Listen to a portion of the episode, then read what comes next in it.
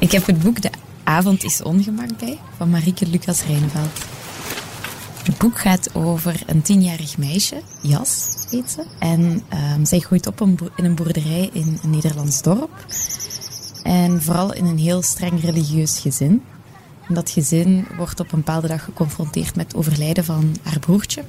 En eigenlijk vertelt het verhaal vooral hoe dat, die, dat hele gezin ontwricht geraakt door dat overlijden.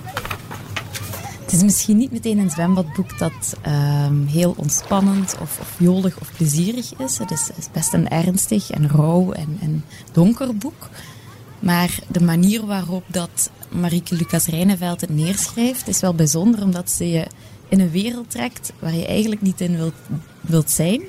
En toch raak je er niet meer uit. En ben je heel gefascineerd en geïntrigeerd, vooral door het leven van de drie kinderen na het overlijden van, uh, van hun broertje.